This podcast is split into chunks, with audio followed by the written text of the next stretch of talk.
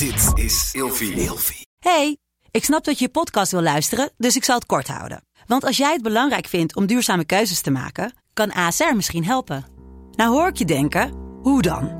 Nou, bijvoorbeeld bij het duurzaam herstellen van schade. Of de premies die we beleggen volgens ons duurzaam beleggingsbeleid. Dat bepaalt waar we wel en juist niet in investeren. Wil je meer weten over welke duurzame keuzes ASR maakt? Ga dan naar asr.nl slash duurzame keuzes. ASR doet het. Zo, dan kan je nu lekker naar je podcast luisteren. Ja, ik heb er ook wel eens moeite mee hoor. Dat, dat wordt heel veel, eh, er worden heel veel meningen verspreid en heel veel eh, geoordeeld en heel veel uh, nou ja, geëvalueerd voordat het al voorbij is. En dat heeft volgens mij geen enkele zin. Volgens mij moeten we alle oordelen over wie dan ook, over de, de regering, het beleid, daar laten en gewoon je schouders eronder. En alle Juist. energie steken om dit op te lossen, zo goed en zo kwaad als het kan. En achteraf kunnen we wel weer gaan evalueren. Maar al die energie kunnen we veel beter stoppen in, in de goede dingen. En niet in ja, eh, klagen en kritiek hebben.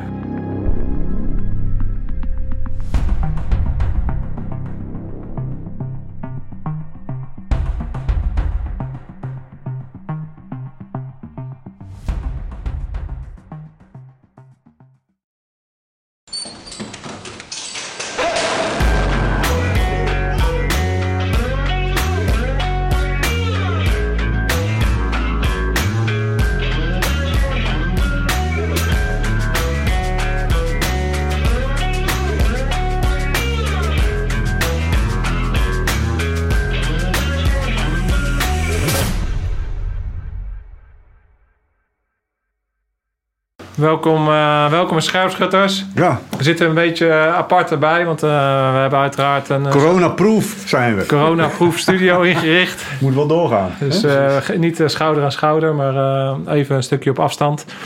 Voelt een stuk beter dit. Ja. Nou, dus eh, ja, we vonden het toch eh, belangrijk om vandaag eh, verder te gaan. Omdat we onderwerpen te bespreken hebben die gewoon alle Jezus belangrijk zijn. Juist in deze tijden. Dus daarom hebben we toch voor gekozen om de podcast door te laten gaan. En zijn we heel erg blij met de gasten die tegenover ons zitten. Die we zo meteen gaan, verder gaan vo- voorstellen. Ehm, ja, Ja, eh, eh, we hebben hier vandaag eh, twee mensen uit de frontlinie eh, tegenover ons. Ik heb eh, Victor eh, leren kennen in een training. Nou, het is ook wel een maand of wat geleden, denk ik. Zoiets. En eh, eh, in die training stond het ambush-moment centraal. En eigenlijk ehm, eh, klopten jullie eh, aan van jongens, eh, volgens mij eh, zitten wij nu in een ambush-moment. En, eh, en kijk eens eh, mee eh, hoe wij eh, onszelf aan het organiseren zijn. Om daarmee om te kunnen gaan. Dus, eh, dames en heren, twee, eh, twee mensen uit de frontlinie. Die eh, ja, straks eh, aan de pak kunnen met z'n tweeën. Nou ja, En een nou, hele hè. club eromheen. al aan de bak zijn. En hoor. aan de bak zijn. Victor en Ferdinand. Fabian. Fa- sorry, Fabian. Ja. Eh, die knippen we dan uit. hè? Ja, dat is goed. of niet. Of niet, ja. Jeetje, eh, welkom. Dank je. Jullie Dank. eh, zijn allebei eh, werkzaam in het eh, Universitair Medisch Centrum van Amsterdam. Ja. En primair eh, is een van jullie taken dat jullie op een trauma-heli eh, nou ja, naar de plek des onheils worden gebracht om daar de eerste levensreddende handelingen te verrichten. Ja, ja, prima, van, ja eh, van huis uit anesthesioloog. Dus eigenlijk verantwoordelijk voor de, voor de vitale functies en de pijnstilling en de narcose rondom een operatie. Eh, en een onderdeel van de anesthesie, de urgentieanesthesie, dat is dan eigenlijk diezelfde skillset eh, toepassen in een, in een acute situatie. En daar past dan ook weer het werk op de traumahelikopter op het MMT bij. Ehm, waarbij je eigenlijk naar de patiënt toe gaat en een goed stuk van het ziekenhuis eh, naar de patiënt eh toebrengt. eh, om daar de vitale functies al te stabiliseren voordat de patiënt eerst naar het ziekenhuis gebracht moet worden. Maar dat is op dit moment maar een klein deel van de werkzaamheden. Dat is eigenlijk altijd al maar een klein deel van de werkzaamheden. We doen dat allebei ongeveer één dag in de week of één nacht in de week. Ehm, op dit moment is de, is de bulk van de werkzaamheden eh, voor anesthesisten zit, eh, eh, in de acute zorg rondom de eh, corona- of covid-patiënten. Ja, dat komt nu eh, snel op jullie af. Nou ja, dit, is al een beetje uh, over ons heen gerold. Uh, vanuit, uh, vanuit Brabant is natuurlijk al een aantal weken komen er nou ja, wat berichten over dat het, dat het daar toch wel heel hard gaat met het aantal IC-bedden en het aantal beademde patiënten. en dat zien we nu inmiddels in Amsterdam, zien we toch ook wel een toename van, van beademingen, waarbij we nou ja, toch met enige regelmaat patiënten naar de IC brengen om beademd te moeten worden. En we hebben in in Amsterdam UMC, locatie AMC, hebben we het zo georganiseerd dat er een, een groep urgentieanesthesisten uh, verantwoordelijk is voor het uh, in slaap maken en intuberen van die patiënten. En om, om te kunnen beademen heb je een buis in de luchtweg nodig, dat heet een endotracheale tube. En om die in te kunnen brengen moet je een patiënt narcose geven. Um, en met onze IC eh, hebben wij daarover overleg gehad en besloten dat de, de mensen die dat het beste kunnen, dat zijn de anesthesiologen. En de mensen die dat onder deze bijzondere omstandigheden het beste kunnen zijn, zijn urgentie-anesthesiologen. Okay. Uh, dus die hebben we daar een beetje, nou ja, op uitgezocht. Uh, en die, uh, die hebben dus, ja, ja, zoals jij het noemt, in de frontlinie gezet. Om dat op allerlei plaatsen in het ziekenhuis waar die mensen potentieel voorbij komen te kunnen doen. Ja, Victor, kan jij jezelf even kort voorstellen in jouw rol binnen dit? Ja, ik heb, ik heb dezelfde rol als Fabian. Victor, anesthesioloog en ook MMT-arts. En ik zit ook in die urgentie-anesthesiegroep. En uh, ja, in die zin zijn we betrokken bij, uh, bij de eerste opvang van die patiënten. Ja. En dan met name in een heel uh, penibel moment. Met name de, dat moment dat besloten is dat ze, niet, dat ze aan de beademing moeten. En uh, die transitie naar die beademing. En dat is een risicovol moment. Ja. Dus daar is heel veel uh, aandacht uh, aan besteed om dat in goede banen te leiden. Ja. En een risicovol moment zeg je dan, hè? maar dan bedoel je niet zozeer alleen voor de patiënt, maar ook voor jullie zelf. Ja, nou, dat, dat is inderdaad heel nieuw. Want wij zijn wel gewend om, om dat risico te dragen voor die patiënt. En daar zijn we ons heel bewust van. En dat is, dat is een heel, hele verantwoording. Maar ja, daar komt nu uh, inderdaad het risico bij. Dat je, want het is een hoog risico besmetting. Hè, dat je als je zo'n patiënt moet intuberen, daar, daar, daar is eigenlijk het risico uh, dat je dan besmet raakt, is het hoogste. Dus daar nemen we ook uh, maatregelen voor. Maar ja, dat is voor het eerst dat wij zelf met onze eigen kwetsbaarheid in die zin worden geconfronteerd. Ja, dat is wel interessant. Ook om even een stukje achtergrond is dat jullie natuurlijk al een keer bij ons zijn geweest met training. Met, een, met, een stukje afdeling. En um, de connectie die er natuurlijk is. Gewoon door, hè? ja, is die, ja, ja. Het moment gaat gewoon door. Nee, maar de connectie uh, is natuurlijk heel interessant. Wij uh, noemen dat inderdaad uh, al de vergelijking naar een oorlogssituatie, waar wij vandaan komen. Um, maar die connectie, die is, die, ja, als, je die, als je die analogie als het ware doortrekt naar de huidige situatie in een ambushmoment, waarop we nu in de frontlinies uh, andere mensen zien dan de militairen, wat we in een normale oorlog zien. Uh, dan is een militair natuurlijk heel erg gewend om een bepaald risico uh, te lopen zelf. Uh, en zie je dat er, dat, dat er nu natuurlijk mensen, dingen van mensen wordt gevraagd, wellicht in bepaalde situaties, die niet daar direct voor gekozen hebben.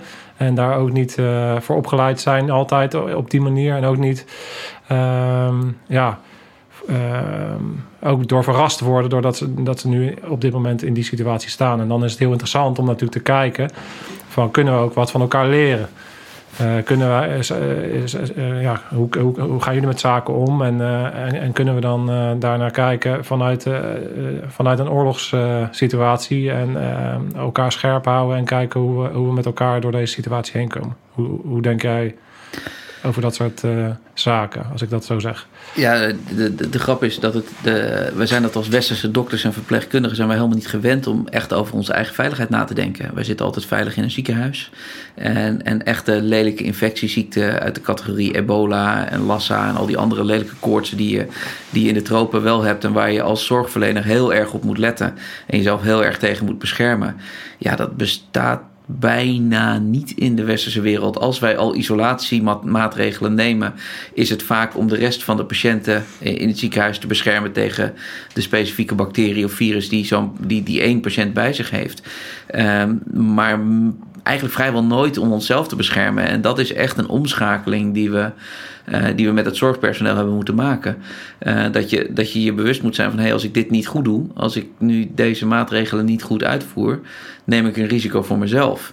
Uh, en dat is er een die ook nog bijt met, met de grondhouding van heel veel dokters en verpleegkundigen, die toch ooit dokter en verpleegkundige geworden zijn omdat ze patiënten willen helpen. Um, dus ja, dat, dat is in ieder geval voor mij persoonlijk is dat wel een hele omschakeling geweest. Die heb ik voor een deel al gemaakt toen ik het prehospitale werk ging doen. En dan leer je ook kijken naar risico's voor jezelf. je komt daar in allerlei auto-ongevalsituaties of, of ongevallen op bedrijven waar je toch ook na moet denken over hoe zorg ik dat ik hier zelf goed uitkom? Ja. Maar dat is nog een heel ander niveau dan, uh, dan zo'n virus als, als corona, wat, nou ja, wat volledig onzichtbaar is. waarvan je ook niet zeker weet of een patiënt het wel of niet heeft. en waar je eigenlijk in een hele grote, brede patiëntencategorie rekening mee moet houden. Hoe zien jullie binnen jullie uh, afdeling uh, wat voor effect dat heeft? Op, op, op jullie zelf, maar ook op de mensen om je heen? Nou, je, je ziet dat, dat, dat, zie je heel verschillend. Sommige mensen die, uh, die parkeren het en die zeggen van... ja, en sommige mensen die worden er gewoon echt toch wel ja, een beetje onzeker en bang ook van. En die vragen zich af en die gaan... ja, je ziet verschillende soorten kopingsmechanismen, zie je. Ja. Mensen die inderdaad net doen alsof het er niet is tot mensen die toch wel heel bang en onzeker uh, raken. Doe je daar iets actiefs mee met, met, met, met, die, met die mindset? Uh, of hoe ga je er met elkaar daarmee om? Nou, we hebben natuurlijk deze. We, we hebben ervoor gekozen om een procedure echt heel strak in te kleden. Hm. Om um, met name die focus te verlenen. Want we hadden eerst altijd de focus met alleen maar de veiligheid voor de patiënt. Want er was, we hoefden voor onszelf eigenlijk niet zoveel rekening mee te houden. Maar nu moeten we de focus gaan verleggen naar deels de patiënt en ook deels onszelf. En um, omdat wij nooit die focus van onszelf gehad hebben, zit het er niet in.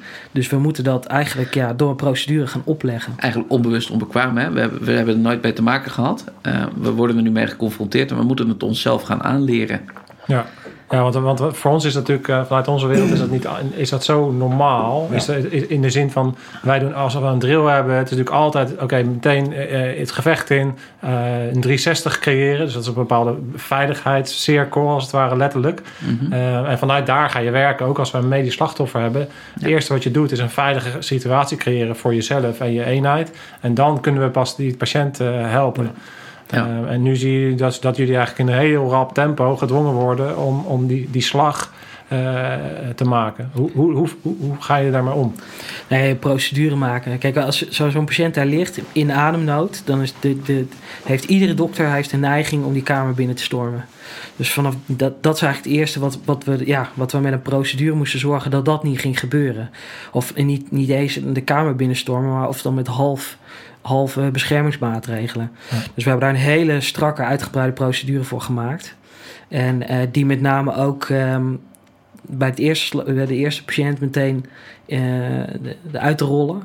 En die ook gelijk weer die, de, debriefen en gelijk aanpassen aan ja, wat ging er goed, wat ging er minder goed. Dus gelijk zoveel mogelijk fine-tunen en dan niet naar tien patiënten, maar gelijk naar één patiënt.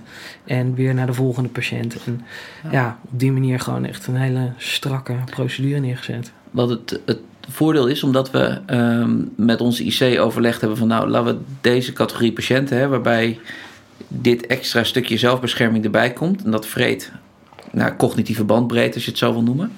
Uh, laten we daar nou de groep mensen voor pakken die voor de eigenlijke handeling die moet gebeuren, namelijk in slaap maken en intuberen, niet zo heel veel bandbreedte meer nodig heeft. En laten we dan die bandbreedte die ze daarvoor nodig hebben, laten we die nog smaller maken door ze gewoon één pad te geven.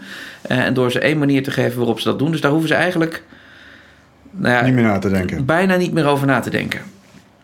En daardoor ontstaat heel veel ruimte in je hoofd uh, om bewust dat andere te doen. En dan hebben we in die procedure ook nog een aantal checks en balances opgenomen om te zorgen dat die ruimte gepakt wordt. En dat daar de tijd genomen wordt en dat daar een controlemoment in zit voordat je naar binnen rent. Ja. En dus we hebben eigenlijk ook, uh, en dat, dat, is, dat is ook even wennen geweest bijvoorbeeld voor ambulancediensten die bij ons presenteren. Als die met een patiënt komen waarvan we op grond van de voormelding al denken dat er een, uh, dat er een intubatie-indicatie zou kunnen zijn. Nou, dan presenteren, presenteren ze op een specifieke kamer. Maar dan staat er nog niemand aangekleed in die kamer. Want afhankelijk van wat er daadwerkelijk moet gebeuren, um, gaat er een ander team die kamer in. Want ja, we zitten ook nog met schaarsheid van materialen. Uh, maar dat betekent dat we dat dus iedereen staat buiten die kamer. Op het moment dat die indicatie gesteld is, dan ga je, gaat het team wat zich aan moet kleden, gaat zich aankleden. En wordt eerst nog een keer gecontroleerd onderling met elkaar door een bodycheck. Zit alles goed? Zijn alle brillen goed? Zit het masker goed? Is de jas goed aangetrokken? Sluiten de handschoenen goed aan? Enzovoort. Dus we hebben daar echt een soort van, nou ja, bijna stap voor stap, voor stap checklist van gemaakt. Uh, om te zeggen, zo moet je het doen. En zo werkt het. En zo ga je in ieder geval niet onbeschermd die kamer in. En zo weet je in ieder geval zeker dat je, dat je zelf goed beschermd bent. Ja, ja die cognitieve bandbreedte, zoals je dat noemt, is natuurlijk super interessant. Omdat wij, kijk, de reden dat wij vanuit een militaire achtergrond natuurlijk ook altijd op die drills zitten, is omdat op het moment dat de shit hits a fan, dan is die cognitieve bandbreedte zo laag dat je een soort van muscle, muscle memory moet hebben van dingen die zo vaak ingedrild zijn, dat je er daar niet meer over hoeft na te denken. Dus in die zin uh, uh, passen jullie natuurlijk dat soort uh, zaken nu toe op jullie eigen, eigen manier om, om, om deze situatie door te komen. En ja. zie je dus dat, dat de, de houvast naar procedures en het juist uitvoeren van procedures en drills alle Jezus belangrijk is. Hoe, hoe ja. Ehm, wordt dat goed overgenomen? Of is, is er extra, extra training voor nodig? Of zie je daarin dingen misgaan? En hoe ga je daarmee om? met, met, met, het, met, met, met de uitvoer van, van drills die nieuw zijn uh, onder, onder deze stressvolle situaties. Ja, dit, dit, je moet dat heel goed uitleggen aan mensen. Waarom? Ja. En, uh, kijk, eh, dokters zijn van zichzelf heel eigenwijs. En dat is uh, vaak mag goed. Ook, hè? En dat mag ook. Ja, dat heeft ook een functie. Namelijk dat je gewoon elkaar uitdaagt en zegt van ja, wat jij nou zegt, is dat wel zo? Moet je daar niet nog eens even goed over nadenken? Maar in deze zin is het gewoon, we hebben er van tevoren goed over nagedacht en, en uitgeprobeerd en, en getoetst. Ja. En dat werkt gewoon. En dat, daar zijn we nu ook al achter. Dat, uh, ik heb op een gegeven moment was ik een paar dagen vrij en had ik een paar dagen hele dienst gehad. En toen was die procedure al min of meer helemaal uitgekristalliseerd. En toen kwam ik er, toen ging ik mijn eerste nou ja, COVID-intubatie doen. Dat was wel echt een mooi toetsmoment. En toen had ik achteraf zoiets van, ja, dit werkt gewoon. Ik ben, ik ben nog eigenlijk relatief ontspannen. Ik ging, ik ging er relatief ontspannen in. Nou, een beetje gezonde spanning van, nou, het is wel een, een echte. Maar ja, de procedure verliep gewoon uh, ja, van voor naar achter zoals hij moest. En ja, dat was een heel mooi toetsmoment.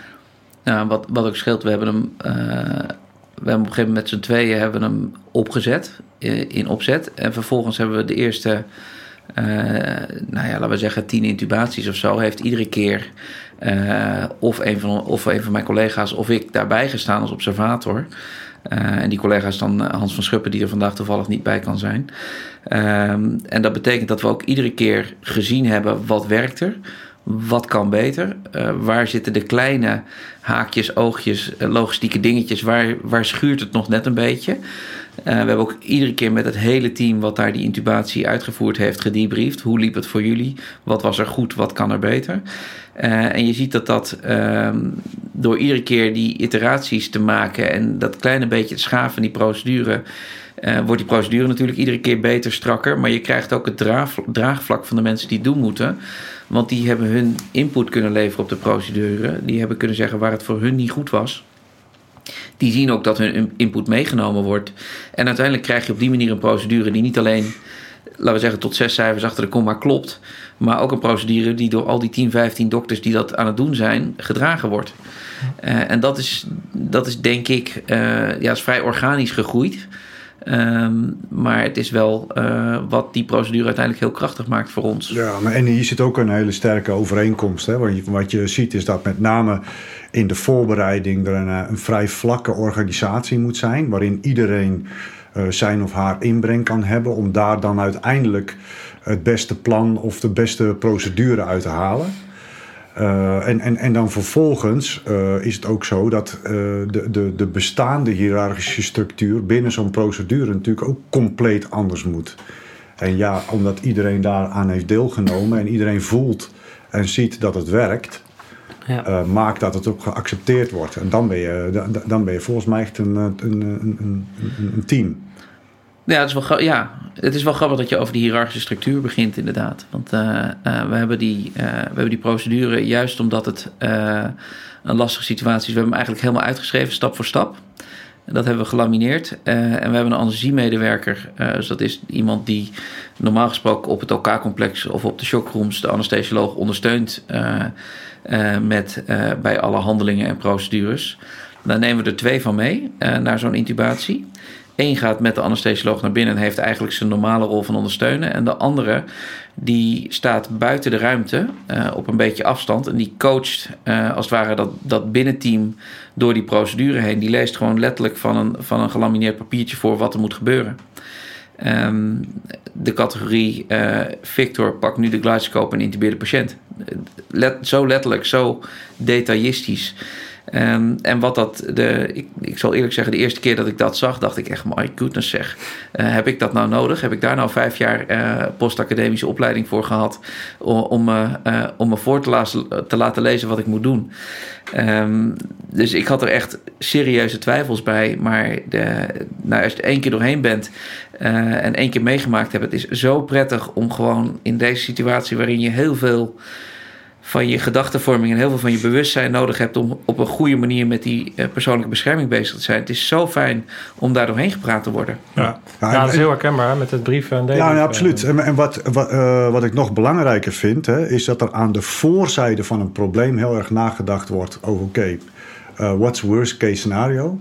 Hè, dat is dat we zelf besmet raken met ja. COVID. Dus dat, is, dat is het moment van falen. Dat is het moment van falen. Als, als, zelf, falen. Als, als, als iemand van ons uh, zelf behandeld moet worden voor COVID. Dat is. Ja, dat is, dat is wat we. Uh, en aan de voorzijde ga je kijken wat je daar het beste, hoe je daar het beste mee om kan gaan. Ja. Dat wordt aan de voorzijde getest, hè, want nu heb je die ruimte nog. Omdat uh, het is nu niet. Het is wel druk, maar niet gillend druk.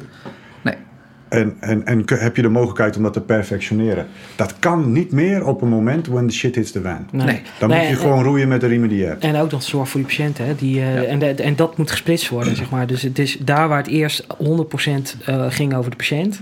gaat het nu voor 50% over jezelf en 50% voor de patiënt. Maar het moet wel allebei lukken. Dus je kan falen op jezelf... maar je kan ook falen als het niet lukt bij die patiënt. Ja. En ook op die manier door, door, door zoveel mogelijk taken en dingetjes eh, weg te halen bij die anesthesioloog, eh, ontlaat je die en dan geef je die zoveel meer bandbreedte dat hij zich gewoon zo goed kan focussen dat hij die procedure ook gewoon beter uitvoert. Ja. Want die gewoon 100% gefocust is om dat, want het is niet meer en niet minder, op dat moment alleen maar dat buisje in die luchtpijp te stoppen. Ja.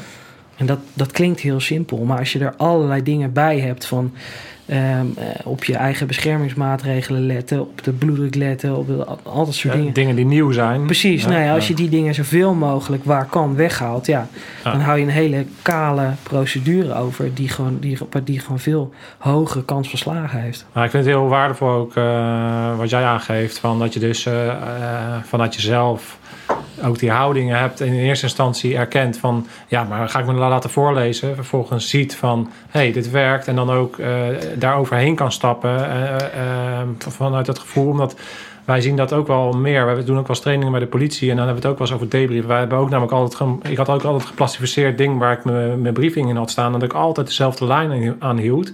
Omdat ik wist dat op het moment dat, dat het echt nodig is... ook al heb ik het honderd keer gedaan...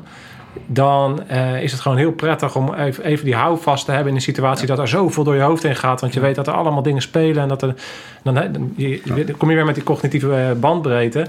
Eh, en dat dat is denk ik een hele waardevolle les ook eh, om, om, om daaruit te halen. Om te zien dat dat dus uiteindelijk in zo'n situatie dus, dus werkt. Om, om gewoon die dingen te standaardiseren en zoveel mogelijk weg te halen. Zodat je je kan focussen op de, op de dingen die er echt toe doen. Ja.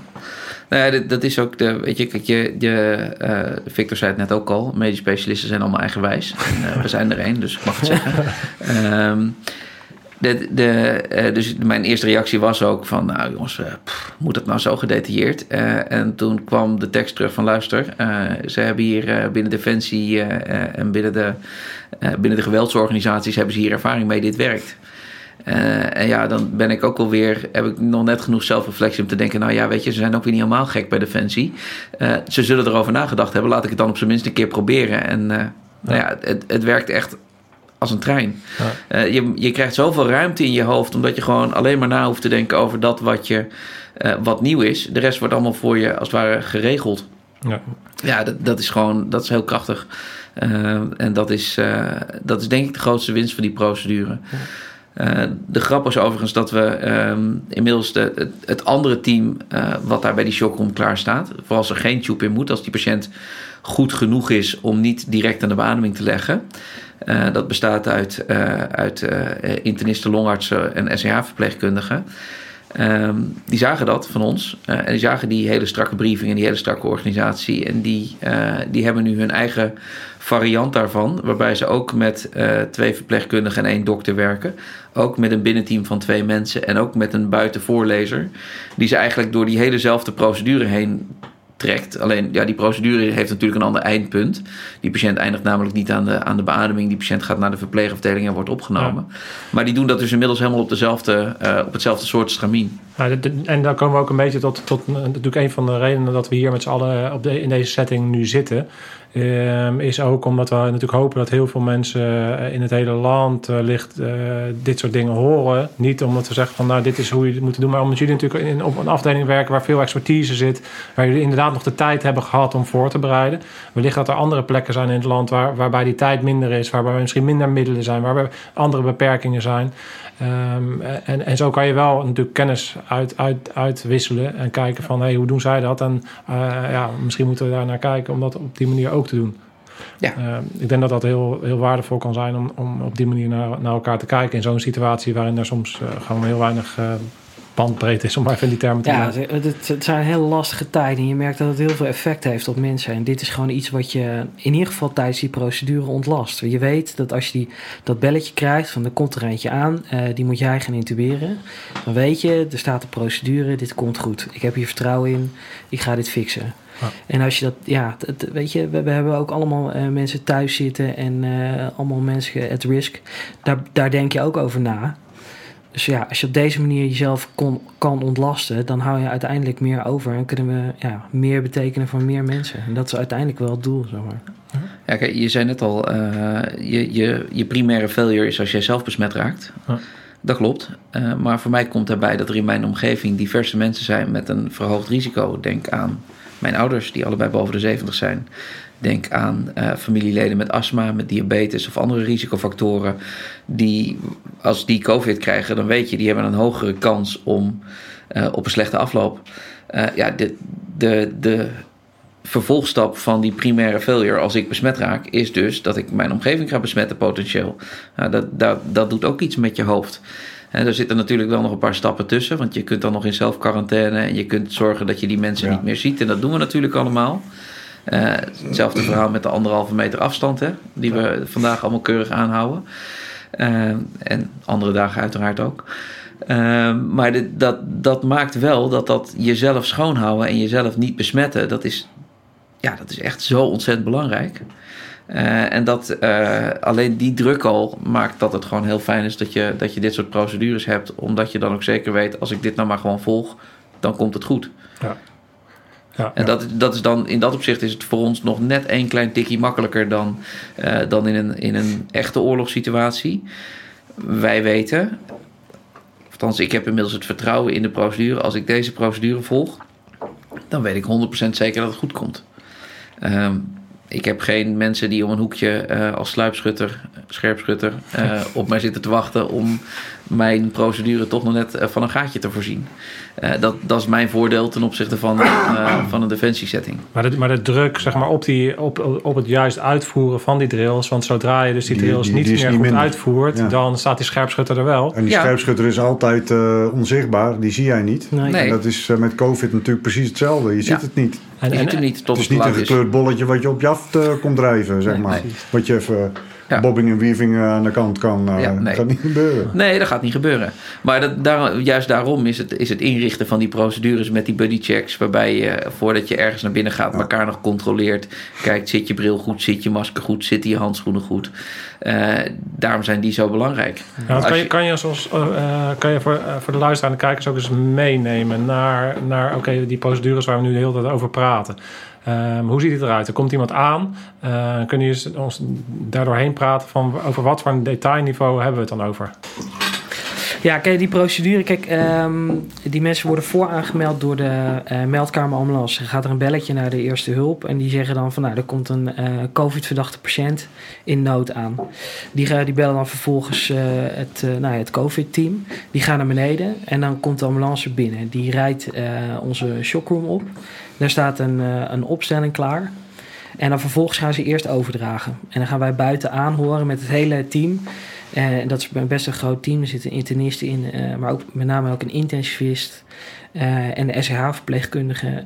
en dan gaan we eerst het verhaal aanhoren. En dan komt er het besluit van Ehm, gaan we deze patiënt wel of niet intuberen? Van, is het nodig? Is het zinvol? Maar met name is het nodig. Als, die als dat besluit genomen is, um, dan blijven wij buiten. En dan gaan wij als anesthesieteam gaan we ons aankleden. En vanaf, di vanaf dit punt kan diezelfde procedure ook op de specifieke COVID-verpleegafdelingen toegepast worden. Want we, daar hebben we, uh, diezelfde procedure hebben we ook vertaald naar de plaatsen in het ziekenhuis waarin al die COVID-verdachten of, uh, of bevestigde patiënten verpleegd worden. Uh, omdat als je eenmaal dat besluit maakt, dan wil je het eigenlijk gewoon zo snel mogelijk doen, omdat die patiënt daarna een minder groot besmettingsgevaar is. Als hij geïntubeerd is, dan is het besmettingsgevaar minder groot. Minder groot, ja. ja. Dan maakt hij geen luchtdruppels meer, omdat je eigenlijk de luchtweg afsluit van de buitenwereld en dan kun je een filter opzetten en dan is die patiënt ja. veilig. Dus de, vanaf wat Victor zo verder gaat vertellen, dat geldt zowel op de shockroom waar een ambulance binnenkomt, als op de verpleegafdeling. Ja. Je zo'n patiënt ook twee, twee aparte procedures van gemaakt. Dus die kleine aanpassingen om dat verschil in ruimte en het verschil, uh, dat hebben we zelfs ook nog aangepast. Dus dan ligt er weer een ander geplastificeerd uh, dingetje klaar. En dan met name dat aankleden, dat gebeurt echt aan de hand van, um, ja, gewoon van een challenge response checklist. Dus per stukje van, zet eerst je masker op, dan je jas aan, dan je bril aan. Echt in, precies in de volgorde zoals je moet. Dan vervolgens, dan gaan we naar binnen. Dan gaan we de patiënt uh, aansluiten aan de monitor. Gaan we spullen klaarleggen. Nou, wat dan ook heel belangrijk is, is dat we nog even met de patiënt praten. Want die gaat, ja, die gaat aan beademing. Die ligt daar waarschijnlijk uh, lang aan. Dus uh, nou ja, dat is, dat is emotioneel ook wel een dingetje. Want ja, dit, die gaat voor lange tijd gaat die, waarschijnlijk naar de IC. En heeft ook de kans ja, dat hij het niet Als je overleeft. op een beademing zit, kun je ook niet meer praten. Nee, ja, kijk, het, het die, die mensen gaan in slaap. Dus die worden ja, ja. echt gewoon in slaap gehouden gedurende de tijd dat... Uh... Er zijn twee, twee aspecten aan. Het eerste is, een endotracheale tube is een stuk plastic wat tussen je stembanden zit. Uh, dus je kunt fysiek niet praten met zo'n ding in je, uh, in je, in je luchtpijp. Uh, omdat om te praten is luchtflow langs je stembanden nodig. Ja, dat gaat niet als, dat, als daar een plastic buis tussendoor zit. Het tweede is, zo'n tube in je luchtpijp geeft een hoestprikkel. En dat vergelijk het met, met jezelf verslikken. Met dat verschil dat je deze er niet uit kan hoesten. Um, dus je wil mensen in ieder geval enigszins gesedeerd hebben. Ja, gewoon uh, een, een, lichte narcose houden. Zeg ja, ja, het heeft ja. vaak vele uh, termen. Hè? Kunstmatig coma, uh, narcose, sedatie. Het komt allemaal op hetzelfde neer. Ja, oké. Okay. Je, je, maakt mensen comfortabel om, om, om dat te kunnen ondergaan en dat vol te houden, zeg maar. En, en, en, hoe monitor je dan het moment uh, dat het niet meer nodig is om aan, aan beademing te zitten of, of uh, niet meer op de IC te liggen? Hoe werkt dat? Hoe, waar kijken jullie naar? Dat, ja, dat is het stukje IC.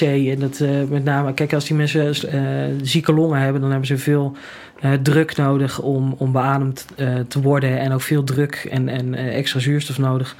Uh, om genoeg zuurstof in het bloed te krijgen. Op een gegeven moment zie je dat dat beter gaat. En dan kan je er een beetje van afschroeven. En dan zie je dat het nog beter gaat. Ja. En dan uiteindelijk dan zit je op een situatie dat je eigenlijk bijna geen ondersteuning meer nodig hebt van het apparaat. Ja.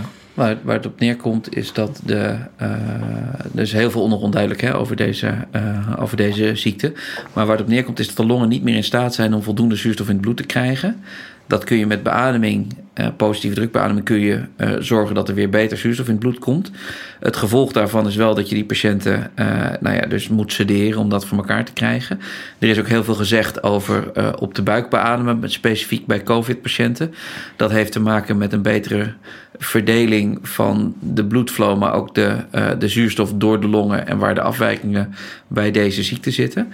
Um, en uiteindelijk zie je, en dat, dat hangt een beetje af van welk type beademingstoestel je hebt uh, op de IC, zie je dat die patiënten weer langzaam zelf hun ademhaling gaan overnemen en dan de beademingsmachine triggeren. Uh, en dan kun je kijken naar iets wat work of breathing heet. Hoe hard moet deze patiënt werken om voldoende te ademen. Omdat die patiënt dan weliswaar ondersteund wordt door de machine, maar zelf triggert. En als dat work of breathing laag genoeg is en de beademingsvoorwaarden, dus de, uh, de ondersteuning die je geeft, is laag genoeg, dan is die patiënt klaar voor detubatie. Um, en dat is misschien wel goed om te zeggen dat in, in, de, in het nieuws wordt natuurlijk enorm gefocust op, uh, op hoeveel nieuwe besmettingen, hoeveel mensen overleden. Maar er genezen ook mensen. Eh, ook de mensen van de, eh, waarvan je eh, initieel denkt, eh, die gaan naar de beademing. Ook de mensen waarvan je na een paar dagen IC-opname denkt, oeh, die gaan echt heel diep. Die zijn heel slecht. Die moet je heel invasief beademen.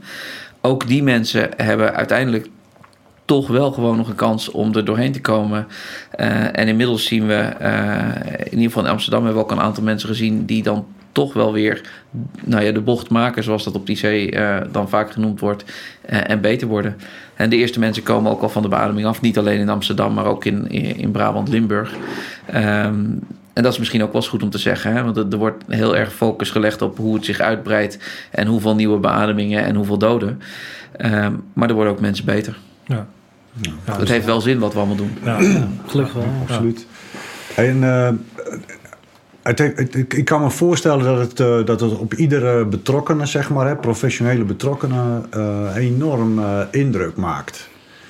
Eh, het, het, gaat ook, eh, het, gaat dus goed, maar het gaat dus ook heel vaak fout. En er is er een angst dat je zelf besmet kan raken, omdat je voortdurend met zo'n onzichtbare vijand eh, bezig bent. Hoe zijn jullie bezig met de, met de mentale welzijn van mensen? Of bereiden jullie mensen überhaupt hier mentaal voor om gewoon wat steviger beslagen te ijs te komen? En zo'n procedure is natuurlijk daar een hele, een hele goede in, maar wat, wat, zijn de gedachten hier eh, over? Ja, dat, is eh, de, heel ehm, ja, veelledig. Dat, dat is voor iedereen anders. Hè? Ehm, de, de een heeft, eh, heeft aan zijn procedure heel veel om, om zichzelf aan vast te houden. En denkt, als ik dat maar doe, dan word ik niet besmet. Daar hadden we het net al even over. Ehm, bij heel veel mensen zie je ook gewoon angst. Ehm, en zie je heel veel paniek. Ehm, social media helpen daar niet bij. Want eh, op social media scoor je niet met een bericht dat er ook één patiënt weer beter en gedetubeerd is. Op social media scoor je vooral met berichten eh, over dat er iets niet goed is. eh, of dat er iets niet goed gegaan is. Of dat iemand iets niet goed gedaan heeft. Of dat er totale rampspoed aankomt. Eh, ja, dat, dat lezen mensen dus ook. Hè. Voor mezelf eh, heb ik mezelf, heb ik mezelf ge, gerantsoeneerd qua nieuws en social media. Want als je alles gaat proberen te volgen, maak je jezelf helemaal gek. Plus dat je een enorme negatieve bias in je, in je berichtgeving krijgt. Dat is een hele, hele interessante wat je nu aangeeft. Omdat, omdat wat je ziet is dat iedereen, doordat iedereen zoveel thuis zit, het eh, digitale gebruik ver, ver, verdrievoudigd is waarschijnlijk per persoon.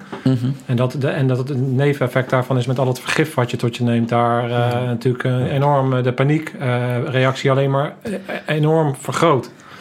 Ja, nou ja, een, mooi voorbeeld wat daar wel... eh, er, is, er is denk ik in de afgelopen twee, drie weken is er nou voor terabytes aan content geweest over het delen van een beademingstoestel tussen een patiënt. Ehm, als je iets weet van beademing en zeker beademing bij deze eh zieke categorie patiënten, dan weet je dat dat niet kan. Eh, ik wil met alle liefde uitleggen waarom het niet kan, maar trust me, het kan niet. Echt niet. Ook niet een beetje niet. Eh, als je dat wil doen, dan moet je ehm, in allebei de kanten, allebei de helften naar zo'n patiënt moet je een variabele weerstand inbouwen. Die op basis van wat hij meet bij die patiënt ongeveer een aantal keer per seconde, maar minimaal één keer per teug, bijstelt wat de weerstand voor ieder van die twee patiënten zijn. Nou, functioneel heb je dan gewoon twee, eigenlijk drie beademingsmachines, eh, die je dan voor twee patiënten gebruikt. Dus het is inefficiënt, het kan niet. Maar het is heel interessant, En wij toch dus wordt het- bij de koffie, hè, dan eh, hebben we het je, ik En kan dan- wel negen. En dan zijn we, ben ik dus, eh schaar ik me niet onder, onder de categorie die alles maar aanneemt voor zoete koek, maar, maar onbewust doe je het dus toch. Want in, tijdens de koffie wordt het besproken en dan eh, worden bepaalde dingen die dus gewoon totale klinkklare onzin zijn, worden door weldenkende mensen, daar schaak ik mezelf dan even onder, gewoon eh, soms toch onbewust eh, en onbedoeld als een soort van feit aangenomen. En dan zie je hoe we onszelf allemaal laten bedotten. Ja, dat is het, Eh, meest gevaarlijke virus, eh, sociale media. Bizar. Ja. Ja. Nou ja, Ja, en, weet dat- je- en nog niet eens omdat iemand het slecht bedoelt. Want ik, weet je, ik snap ook wel dat als je eh, in de.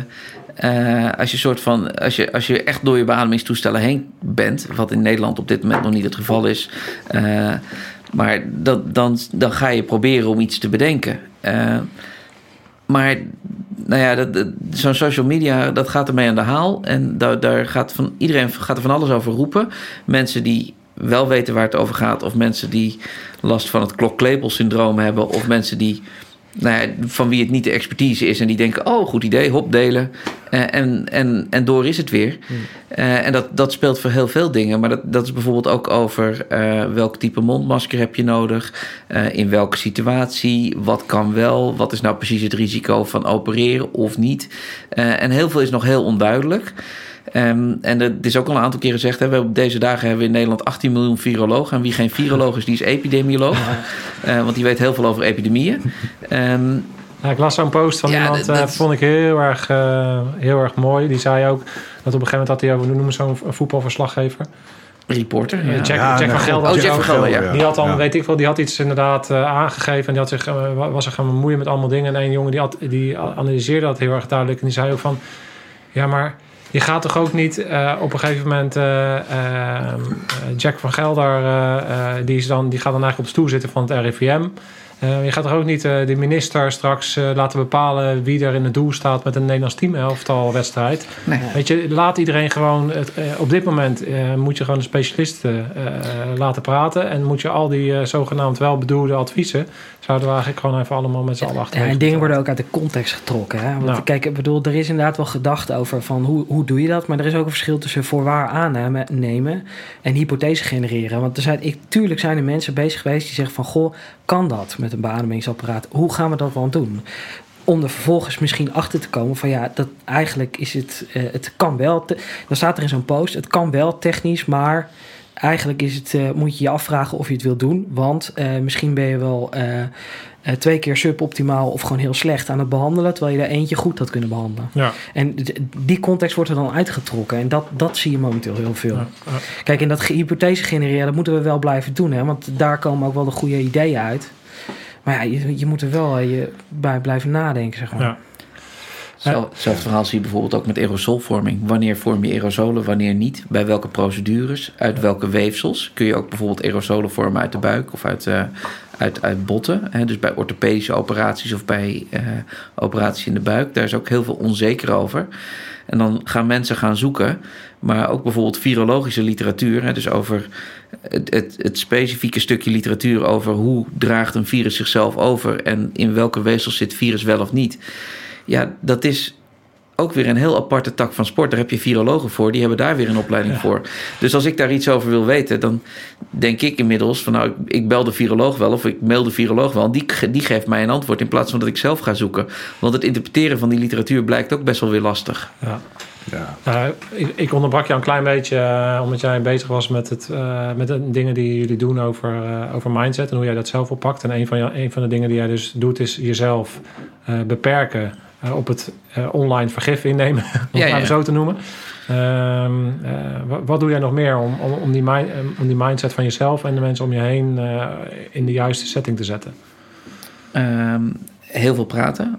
heel veel vragen beantwoorden. We hebben vanuit, vanuit de afdeling bij ons is er een, een operationeel managementteam. Daar zitten eigenlijk, nou ja, de term is misschien niet helemaal goed, maar buddies die ieder een verantwoordelijkheid hebben met z'n tweeën voor een deelproces. Uh, mijn verantwoordelijkheid is samen met Hans dat deelproces van luchtwegmanagement op allerlei locaties en de logistiek van die patiënten richting de IC. Eh, daar zit ook een deelproces roostering enzovoort. En vanuit dat OMT gaan we ook heel veel richting de, de afdelingen. In mijn geval de SEH en de verpleegafdeling, om daar met de mensen te praten waarmee we te maken krijgen. Daar vragen te beantwoorden over in ieder geval ons stukje van het proces. Uh, en te signaleren als er ergens onrust of onduidelijkheid of angst is die wij niet op kunnen lossen. Uh, en daar dan vervolgens weer ondersteuning via de lijn op zetten. En wat, wat is ondersteuning vanuit de lijn? Wat, wat uh, betekent dat? betekent zeg maar via hun leidinggevende. Hè. Ik heb vanuit die rol, vanuit dat OMT van de anesthesiologie, heb ik ook weer contact met de leidinggevende uh, van die verpleegafdeling. Um, en op het moment dat daar onrust is, of als daar dingen zijn die ik niet vanuit mijn mandaat en mijn verantwoordelijkheid op kan lossen, dan ga ik contact zoeken met, met die persoon. En als dat nodig is, schalen we het nou ja, steeds een stapje hoger in de hiërarchie. En, en is dat ook uh, mentale ondersteuning? Is, uh, Allebei. Daar ja. aan denken? En, wat betekent, hoe, hoe, hoe pak je dat in jullie organisatie op mentale ondersteuning in zo'n situatie? Moet je dan, wij heb je dan bijvoorbeeld zo'n buddy systeem waarbij je eerst eerste, eerste lijn en dan tweede lijn, derde lijn kan, kan helpen? Hoe, hoe ja, we hebben geen buddy systeem, maar we hebben wel een peer support systeem. Dus uh, zodra je merkt dat uh, uh, mensen iets heftigs hebben meegemaakt, dan, dan wordt, dat, wordt dat systeem in werking gezet. Dan krijgen ze een gesprek en dan nou ja, aan, aan de hand daarvan kijk je weer verder hoe het gaat met iemand. Maar het is ook gewoon, weet je, je moet in deze tijden gewoon ook een beetje letten op elkaar. En gewoon praten erover en gewoon dingen bespreekbaar maken. Van goh, vind jij het nou spannend om, uh, om die intubatie te doen? Ik vond het stiekem best een beetje spannend, maar uh, ja. ik heb wel veel houvast aan de procedure. Dus uh, ja, ik heb er wel vertrouwen in. Ja. En vooral dat laatste, dat, dat moeten we ook gewoon doen. We moeten echt gewoon vertrouwen erin hebben dat het, dat het goed komt. En dat, dat wat we doen, hè, dat, daar is goed over nagedacht. Dat, dat, doen we met, dat doet iedereen met veel bezieling. En, en daar moeten we het ook gewoon mee doen. En achteraf komen we er wel achter of het, uh, wat, wat er wel en niet beter had gekund. Ja.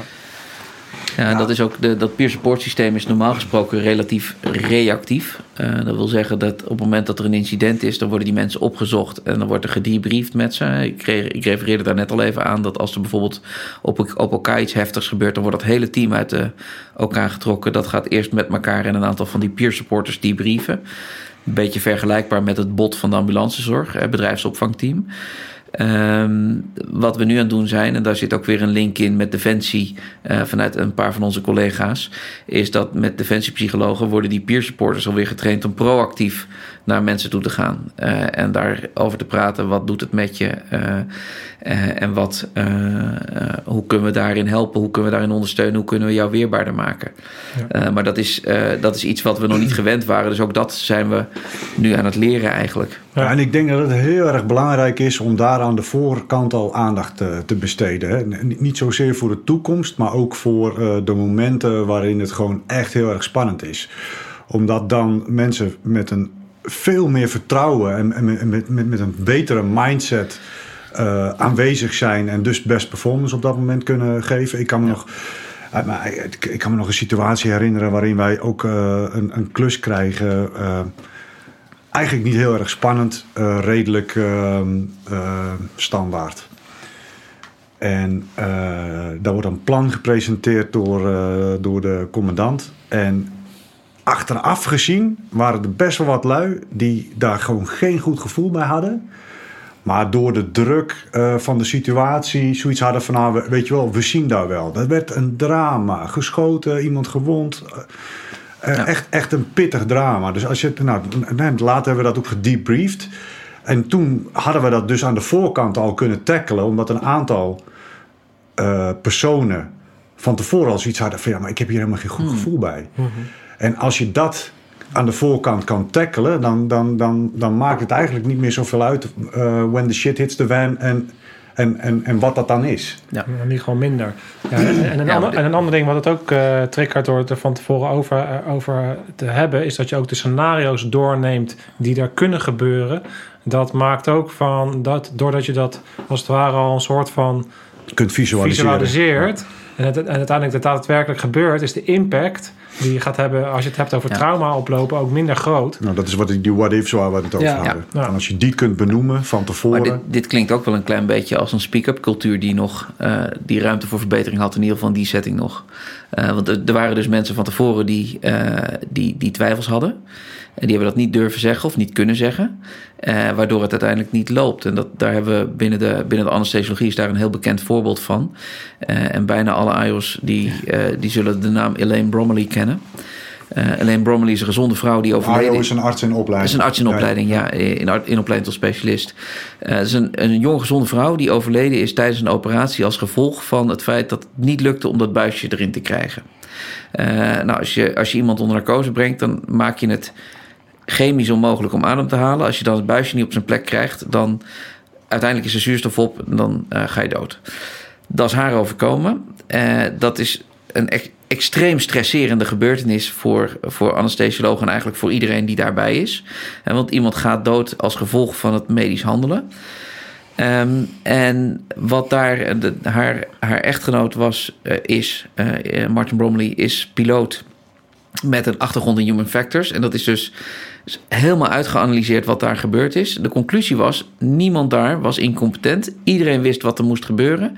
Alleen er zijn een aantal mensen geweest die dat wel wisten, maar niet hebben kunnen zeggen door de cultuur die er op dat moment op de operatiekamer was. En er zijn een aantal mensen geweest die door de stress die het gaf, het zich niet gerealiseerd hebben. Nou, dat, dat is uh, in ieder geval bij ons op de afdeling, is dat een van de, van de benchmark cases waar, waar iedereen kennis mee maakt op het moment dat hij aan zijn opleiding begint of op het moment dat hij bij ons op de afdeling komt werken. Van let op, het kan iedereen overkomen. Uh, ook als je competent bent, ook als je echt weet hoe het spelletje werkt, kan het je nog steeds overkomen als je maar even op de verkeerde stressknop drukt.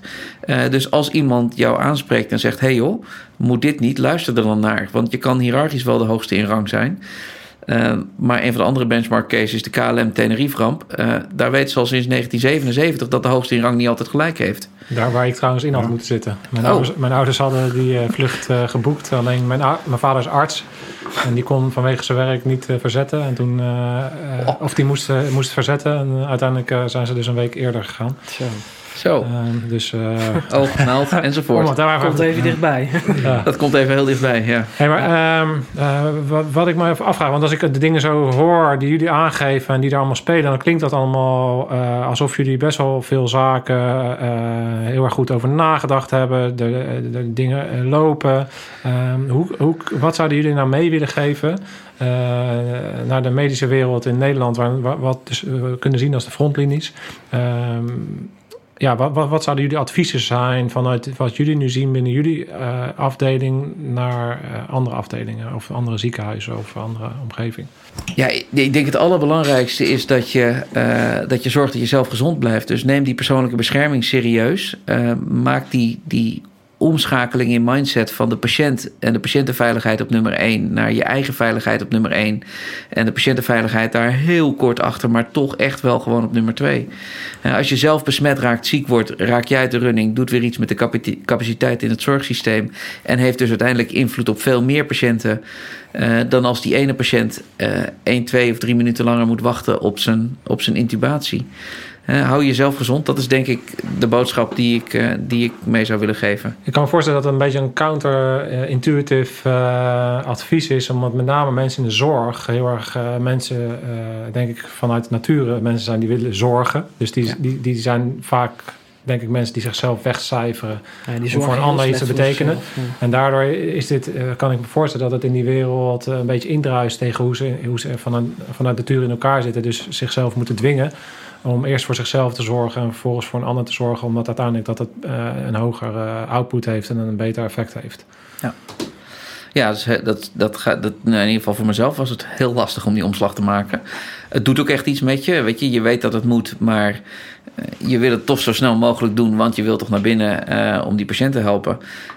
Ja, je moet daar gewoon echt, weet je slow is just fucking slow, maar smooth is wel fast. Um, het, het is, je moet gewoon echt, je moet daar een procedure voor maken. Je moet zorgen dat die gaat lopen. Ja. Uh, en dat is ook een van de gedachten erachter dat wij het gecentraliseerd hebben op een kleine groep van, van zo'n tien anesthesisten. Die het dus gewoon vaker doen en die er dus handiger in worden. En dus ook nou ja, een routine ontwikkelen, waardoor uiteindelijk die procedure, en dat zie je uh, bij mezelf, zie ik dat al. Ik heb er nu drie of vier gedaan, dus het is eigenlijk nog maar heel weinig. Uh, en het begint nu al ja, veel nou ja, ingeslepener te lopen. Ja. En dat, is, dat is nog lang geen muscle memory. Uh, dus als ik echt een keer in een ambush loop, dan wordt het waarschijnlijk toch wel weer anders. Uh, maar uh, oefening baart kunst. Ja. Vaak doen. En eigen veiligheid eerst. Ja. En dat, ja, dat geldt natuurlijk gewoon zorgbreed, lijkt mij. Ja. ja. Ja, maar het is nooit, nooit zo relevant geweest. Het is bedoel, uh, het, het, uh, in alle cursussen die je krijgt, ook zeg maar, zeker met pre-hospitaal werken, dan krijg je ook altijd het eerste, ja, eigen veiligheid eerst. En dan kom je in een scenario en dan zeg je, oh, uh, is het hier veilig? Ja, het is veilig. En dan vervolgens ga je het hele medische ding in. Maar het is nog nooit zo relevant geworden als nu, eigenlijk. Ja, voor iedereen. Ja. ja. ja. ja dit is het scenario waarin je komt, is het veilig? Nee. Oh, oké. Okay. Dan moet ik dus eerst iets voor mezelf gaan doen. Maar wat dan precies? Nou ja, ja. dat zijn we helemaal niet gewend. En daar moet, die omschakeling moeten we maken. En dat, dat is voor veel mensen heel lastig. Ja. ja, en ik denk dat het heel belangrijk is om, uh, om daarin zeg maar, uh, uh, heel goed te communiceren met elkaar. Ja. Als er op een gegeven moment bepaalde protocollen echt zijn afgesproken, om die echt op te leggen. Ja. En dat het voor iedereen ook duidelijk is. En mensen moeten, moeten zeg maar in, hun, in hun hoofd al gaan nadenken over wat dat voor consequenties heeft. Ja, je moet, Nu. je moet het ook gewoon echt oefenen voor jezelf. Met name je persoonlijke beschermingsmaatregelen uittrekken. Dat is, daar zit een risico in. Hè?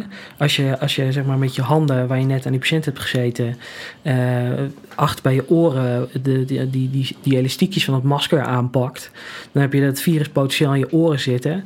Vervolgens, eh, eh, ja, je wast je niet je oren na de iedere, maar dan zit je aan je oren, zit je aan je neus en zo heb je het. Dus je moet echt gewoon stap voor stap dat ook in je hoofd gaan doornemen. En dat werkt ook. Hè? En op het moment dat je echt dat die procedure er voor jezelf ook in zit, dan ga je ook jezelf zeg maar ontladen qua eh, stress en spanning. Want je weet van ik heb niet aan mijn oren gezeten, want daar heb ik op gelet. zeg Maar, Ja. En dat, dat speelt natuurlijk, dat, dat, is waar, dat zijn die drills waar jullie het ook over hebben. Eh, en dat, dat speelt nou ja, vanuit de MMT-achtergrond bij mij ook. Er zijn een paar dingen die je niet vaak doet. eh, maar die, als het gebeurt, moet het in één keer goed. Eh, dat zijn dus ook de dingen die ik bijvoorbeeld in mijn hoofd altijd doorloop. Dus dat, ik zit op, diezelfde, op datzelfde spoor. Eh, die, die mentale repetitie, het, het visualiseren. Hoe moet ik het doen? Wat moet ik doen? Eh, op welke manier moet ik het doen? In welke volgorde moet ik het doen? Dat helpt enorm. En ook daar, je staat daar altijd eigenlijk met z'n tweeën jezelf uit te kleden. Dus het helpt ook om met elkaar te zeggen: oké, volgende stap. Dus nu gaan we de muts afdoen. Of nu gaan we dat maskertje afdoen. Hoe gaan we dat doen? We pakken hem achter op het hoofd. We trekken de elastiekjes los. En we trekken hem voorover van ons hoofd af. Met een langzame, rustige beweging. Ehm, en als je elkaar er op die manier doorheen praat, dan merk je ook dat je, tenminste, ik merk dat, de, dat het voor mij ook beter werkt en dat ik mezelf ook zekerder voel in die procedure. Omdat, eh, omdat je met z'n tweeën bent en omdat als ik iets zeg wat niet klopt, of als de anesthesiemedewerker waarmee ik dat dan doe iets zegt wat niet klopt, kun je elkaar aanspreken en werkt het ook allebei de kanten op om te zeggen: volgens mij was het zo. En van de week deed ik iets, eh, wilde ik iets doen. En toen zei de anesthesiemedewerker, volgens mij moet dat in een andere volgorde. Oh ja, tuurlijk. Het, het is niet gewoon voor ons. Het is geen routine voor ons. Dus hou elkaar scherp en help elkaar om het goed te doen. Ja, ik denk dat, dat, dat hetgeen eh, is wat, eh, wat alles samen brengt van, van deze situatie waarin we nu zitten. En dat is dat we elkaar gewoon keihard nodig hebben. Ja. Ehm, wij, wij kennen dat vanuit onze wereld. Wij zeggen altijd één man is geen man. Eh, je, je, je- bent gewoon een systeem. En we zien nu wereldwijd dat het hele, het hele systeem in elkaar klapt. Omdat we zien dat we veel verder verbonden zijn met elkaar dan we, dan we ooit eh, Ja. gemerkt hebben in ons eigen, eigen leven. Eh, en dat, eh, weet je, dat zie je nu ook in de uitvoer, hoe jullie dat doen. Uiteindelijk moet, moeten jullie het samen doen, moeten we het samen doen. En, eh, en gaan we dit gewoon fixen. Gaan we deze oorlog, waarin jullie in de, in de frontlinie staan ehm, en, het- en het werk doen en de risico's nemen, gaan we deze oorlog gewoon hoe dan ook winnen. Om, als we het samen blijven doen. Dus dat is hoe, hoe ik daarin zit, hoe Ja. wij daarin zitten en, en hoe jullie daar dus ook in zitten. Nou ja, en, en dan moet ik eerlijk zeggen, daar, hadden we het net ook al heel even over. Dan zijn wij nog de, eh, het, nou ja, om het in defensietermen te zeggen, het hogere geweldspectrum. Want het gros van de frontlinie wordt gevormd door al die mensen op de verpleegafdelingen, de huisartsen, de ambulance, verpleegkundigen. Iedereen die met al die patiënten werkt waar nog geen tube in zit eh, of waar nog geen tube in hoeft. Ehm, en die wel ook gewoon met, met zieke patiënten met dit virus werken. En ook voor die mensen geldt dat ze eigenlijk vooral willen helpen en niet voor hun eigen veiligheid bezig zijn. En die, die moeten diezelfde omslag maken. Dat is minstens zo lastig. Ja. Maar, En die worden maar- vaak vergeten. Met name ook de schoonmakers en alle andere mensen die, die niet primair aan het bed staan. Maar die, die spelen allemaal met ditzelfde spelletje mee. Ja, ik wil net zeggen inderdaad die schoonmakers, want die staan wel vervolgens die hele kamer uit te poetsen waar net die patiënt heeft eh, zitten hoesten, zeg maar. Ja, dat is ook best wel een drempeltje. En die doen het ook gewoon. Ja. Ja. Dus ja, Ja, het is een hele, hele bizarre tijd. En een eh, bizarre situatie. En eh, ik denk dat het super waardevol is dat jullie binnen alle dingen die er spelen... de tijd hebben genomen om hierheen te komen... en eh, jullie verhaal te doen. En op deze manier uit te leggen wat er speelt... en wat er, waar, waar, de, waar de nadruk op, op ligt.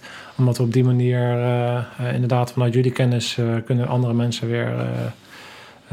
leren en inspiratie opdoen. En ook zien, ik vind het ook belangrijk om die mindset over te brengen.